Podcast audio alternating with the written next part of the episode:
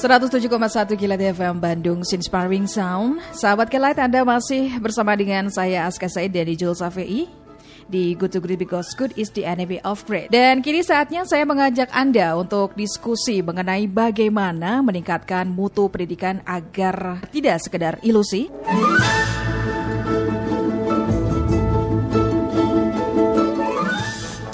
Visi Indonesia Emas pada tahun 2045 adalah mimpi besar untuk membentuk negara dan bangsa yang mampu bersaing dengan bangsa lain. Hal ini dapat terwujud apabila setiap warga Indonesia punya akses untuk mendapatkan pendidikan yang berkualitas, yang mampu menghasilkan manusia Indonesia yang berpikir kritis, kreatif, inovatif, berdaya saing global, dan moralitas yang baik. Namun, faktanya saat ini wajah pendidikan Indonesia masih dibebani berbagai persoalan. Di antaranya yakni minimnya fasilitas belajar mengajar, masih banyaknya gedung sekolah yang tidak layak dan aman bagi anak siswa, kemudian juga terjadinya kapitalisme pendidikan, kualitas guru dan pendidik yang belum mampu menghasilkan mutu pendidikan yang diharapkan, dan paradigma pendidikan yang masih berorientasi pada angka skor. Menurut pemerhati pendidikan Indra Karismiaji, hal yang paling bahaya dari kondisi itu adalah kita merasa semuanya baik-baik saja. Baik pemerintah maupun masyarakat dan para orang tua terjebak pada orientasi angka-angka belaka. Padahal semua itu kamuflase. Faktanya SDM Indonesia dengan model pendidikan yang diterapkan eh, memiliki keterampilan yang lebih rendah dibanding negara lain. Lantas bagaimana meningkatkan mutu pendidikan agar tidak sekedar ilusi? Kami akan berdiskusi dengan narasumber Bapak Indra Karismiaji, pemerhati dan praktisi edukasi 4.0. Selamat pagi, Pak Indra. Selamat pagi, Aska. Selamat pagi, sahabat lain. Apa kabar nih, Pak Indra? Kabar baik. Kabar baik. Jakarta, hujan. Oh. Harus tetap semangat. banjir. semangat. semangat ya Pak Indra ya. Pak Indra, ini dalam tulisan Anda di Suara Pembaruan pada edisi 17 Januari 2020 kemarin ya, bahwa kemampuan ilmu ilmu, ilmu dasar anak-anak Indonesia seperti membaca, matematika, sains berada jauh di bawah rata-rata peserta didik dari negara-negara anggota OECD atau Organisasi Kerjasama dan Pembangunan Ekonomi. Dan hal ini dibiarkan ya. selama hampir 20 tahun ya Pak Indra ya. Nah Betul ini menurut uh, perspektif Anda, paradigma pendidikan apa yang diterapkan selama ini? Ya, seperti tulisan saya itu, saya mengatakan kita ini terbuai dengan sebuah ilusi yang menganggap kita itu uh, kondisinya baik, mm -hmm. apa pendidikan kita maju, anak-anak kita pintar karena nilainya tinggi kan gitu. Tapi faktanya jadi kalau kalau mau kita mau saya ilustrasikan ya misalnya kita bicara tentang seorang pemain sepak bola. Mm. nah anak-anak kita itu punya ijazah punya nilai kemampuan sepak bola yang tinggi. Mm. tapi ditaruh di lapangan sepak bola mereka ternyata nggak bisa main bola seperti itu. Jadi itulah problem kita yang sekarang. Dan ini sudah banyak kajiannya hmm dari beberapa institusi luar negeri sudah membuat kajian kalau selama 20 tahun belakangan ini Indonesia itu punya pandangan yang atau uh, sikap yang komplasen atau menganggap semuanya baik-baik saja, semuanya baik-baik saja ya? padahal ya? stagnan, mm-hmm. gitu. Jadi ini sangat membahayakan sekali.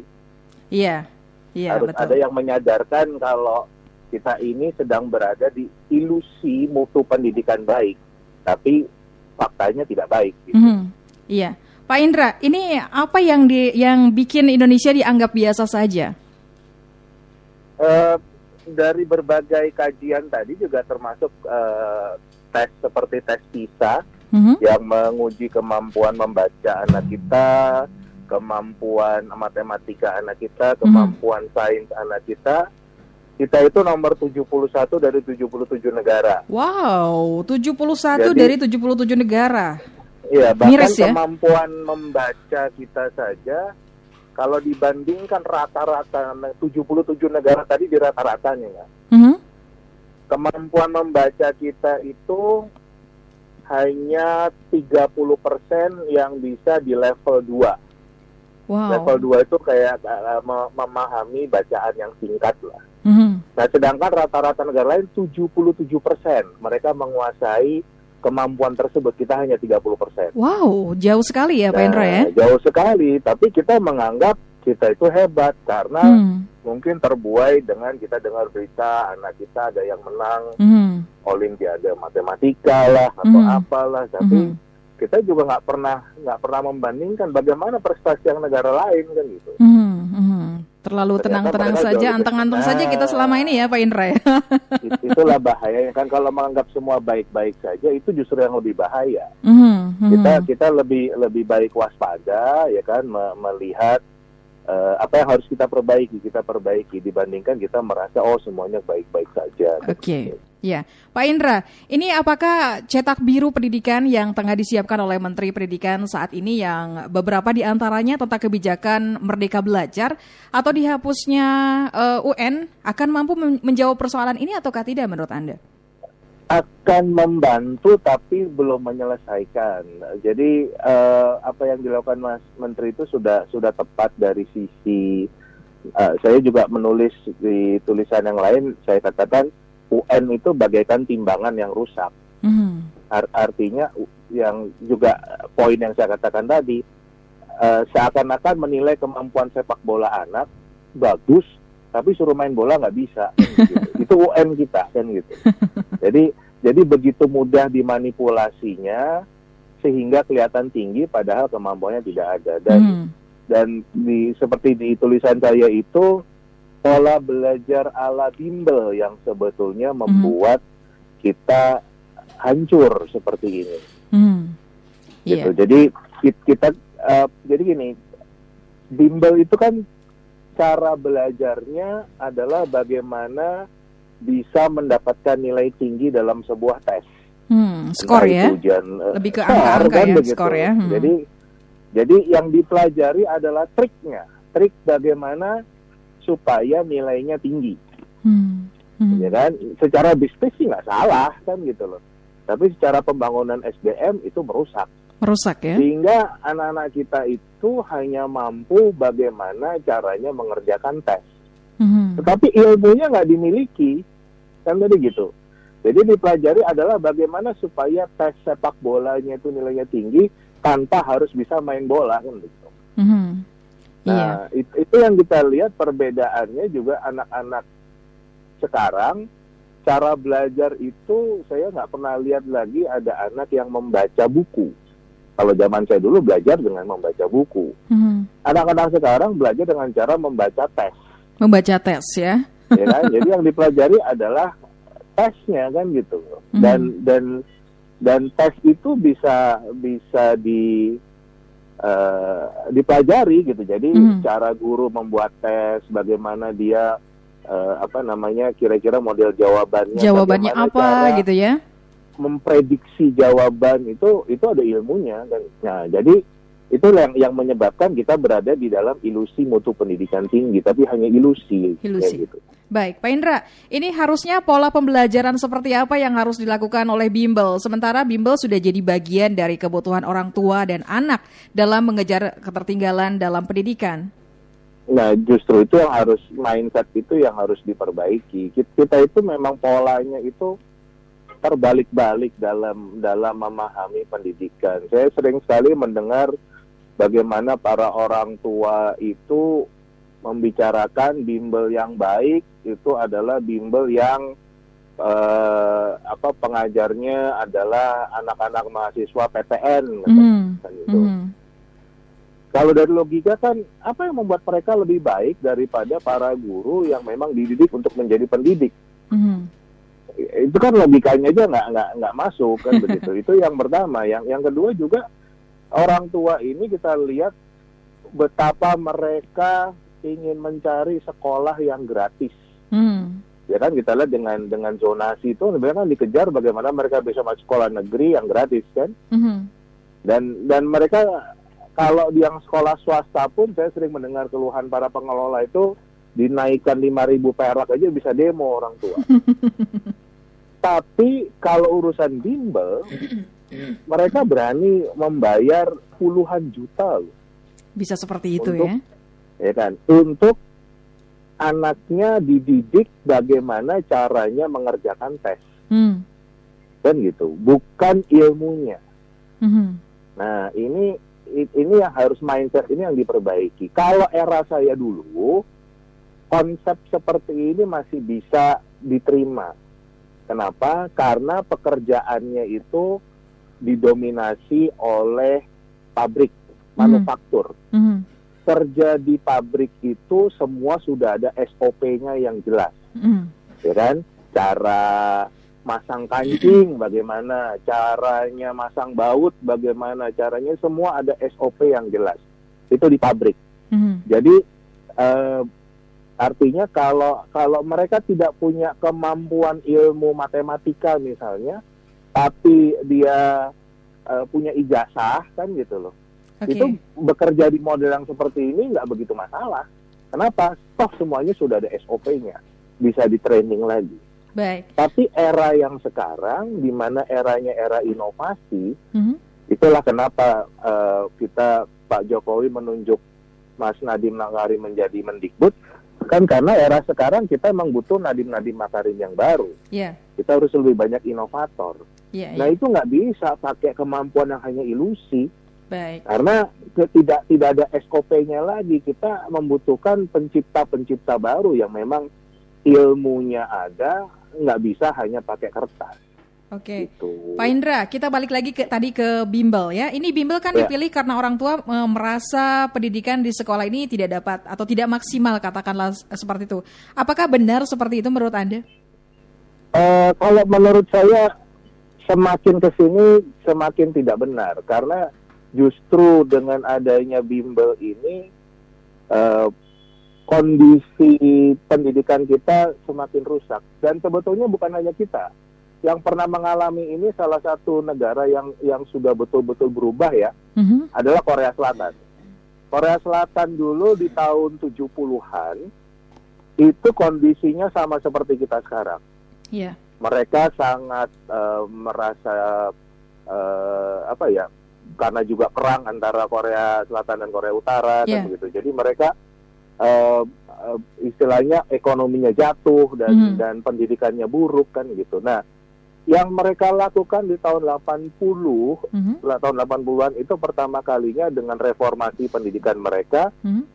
adalah menutup semua bimbel Menutup semua bimbel. pemerintahnya menutup semua bimbel Mhm. Kenapa ya? Karena itu di eh, pemerintah ingin mengembalikan satu pendidikan itu harus menjadi tanggung jawab pemerintah. Iya.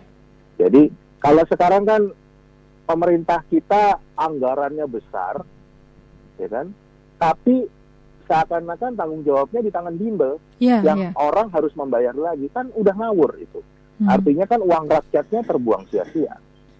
Itu yang pertama. Yang kedua juga logikanya adalah begini. Yang tadi yang sebetulnya eh, yang sudah Asta sampaikan, logikanya kalau mutu pendidikannya buruk Mhm. Pasti dibelaku. Iya. Sedangkan kalau mutu pendidikannya baik, bimbel pasti tidak laku. Hmm. Nah, jadi kalau sekarang programnya Pak Jokowi 2045 Indonesia harus menjadi negara nomor lima terbesar di dunia dalam sisi ekonomi, Mhm. kita punya SDM yang unggul, satu-satunya cara adalah harus meningkatkan mutu dari sekolah-sekolah kita. Dengan demikian, bimbelnya nggak perlu lagi. Ini tadi bicara soal guru atau pengajar. Ini apa catatan Anda tentang kualitas dan jumlah guru saat ini? Mengingat guru adalah salah satu faktor penentu kualitas SDM di masa depan. Apa sudah memenuhi persyaratan untuk menuju Indonesia Emas 2045? Belum. Itu itulah yang menjadi PR besar kita dan saya harap Mas Menteri dengan timnya akan lebih fokus pada pembinaan SDM khususnya di guru dulu karena Hmm. di mana-mana pembangunan SDM itu selalu mulainya dari guru kan. Mhm. Kalau kita lihat sejarahnya Jepang, Kaisar Hirohito dulu setelah Hiroshima Nagasaki dimulai dari guru kan, dia mencari berapa guru yang tersisa kan gitu. Hmm. Lee Kuan Yew negara apa uh, almarhum uh, dari negara Singapura tetangga kita juga mereka menjadi selalu nomor satu nomor dua kualitas pendidikan di dunia karena mindset mereka adalah untuk membangun masa apa generasi masa depan yang unggul mereka harus dididik oleh generasi masa kini yang terunggul. Mm-hmm. gitu.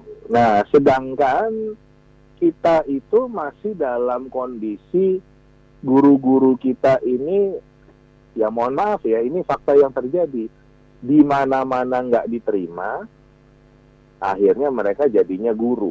Oke. Okay. Kan kebalik. Mm-hmm. Harusnya guru itu adalah SDM yang terunggul di di Indonesia ini untuk bisa mencetak SDM unggul di masa depan. Baik. Jadi mindset itu yang harus diubah, mm-hmm. gitu. Nah, termasuk juga dengan pola sekarang ini rasio guru kita itu terlalu banyak.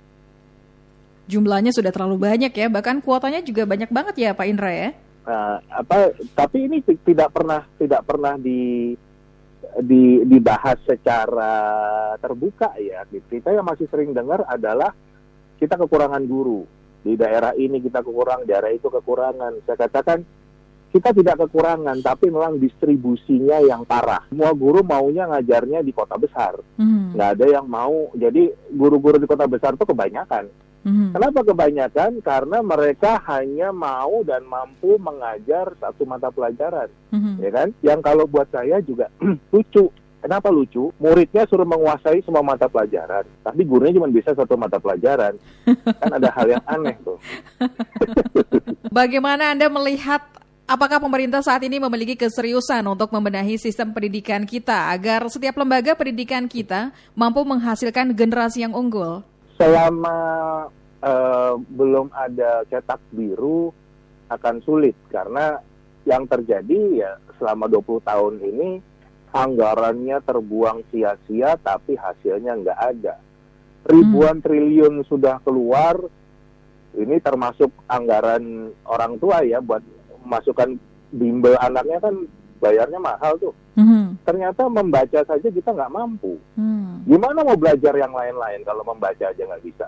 Kan bohong kan gitu. Iya. Yeah. Kan kalau kita nggak punya kemampuan membaca, mana mungkin kita bisa bisa mempelajari hal yang canggih-canggih yang yang jadi bohong lah kalau kita mengatakan wah SDM kita hebat kok ini kok itu itu karena kemampuan membaca kita saja rendah.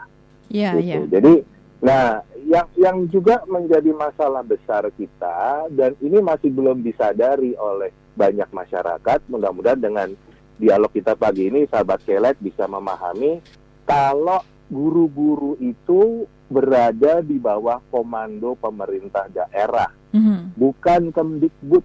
Kemdikbud itu nggak punya guru. Jadi kita harus betul-betul minta pertanggungjawaban para kepala daerah yang sahabat Kelai pilih itu harus ada pertanggungjawabannya bagaimana mereka membangun SDM di daerahnya karena itu adalah amanat mereka sebagai bagian dari pemerintah kita membentuk pemerintah yang mencerdaskan kehidupan bangsa. Hmm. Nah, faktanya sampai sekarang itu hanya satu persen pemerintah daerah yang menganggarkan lebih dari 20 persen untuk pendidikan. Jadi yang 99 persen ini nggak peduli. Dan masyarakat tidak pernah menuntut. Padahal itu kan amanat dari konstitusi. Jadi 99% pemerintah daerah itu mm-hmm. inkonstitusional kalau menurut saya. Tapi nggak pernah ada yang teriak. Okay. Ada problem, semua melihatnya adalah Kemdikbud. Padahal Kemdikbud itu tidak punya kuasa apa-apa. Akhirnya cuma dikomplain saja, diterima saja, tapi berhenti. Kenapa? Karena wewenangnya ada di pemerintah daerah. Nah, harapan saya mulai sekarang masyarakat itu betul-betul meminta pertanggungjawaban para kepala daerah yang dipilih untuk mengemban amanat Undang-Undang Dasar 45 untuk memajukan uh, SDM-nya, mencerdaskan bangsa betul dan anggarannya itu besar tinggal dimanfaatkan saja. Jangan malah dipolitisir. Baik, terima kasih Pak Indra Karismiaji sudah mau berbincang bersama dengan kami. Sama-sama, Terima kasih banyak Pak Indra uh, ya. untuk perbincangannya. Mudah-mudahan ini bisa menjadi perhatian kita semua karena ini PR yang besar ya Pak Indra ya. Wah, kita hancur kalau kita nggak segera perbaiki. Baik, terima kasih. Selamat beraktivitas kembali Pak Indra. Pagi. Ya, selamat pagi. Demikian sahabat kelet perbincangan kami dengan Pak Indra Karismiaji, pemerhati dan praktisi edukasi 4.0. Seperti biasa, sebagai tanggung jawab moral kita sebagai civil society atas persoalan ini, kami mengundang Anda untuk ikut urun rembuk berbagi pandangan dan bertukar pemikiran. Menurut Anda, bagaimana peningkatan mutu pendidikan agar tidak sekedar ilusi? Good to Great. Good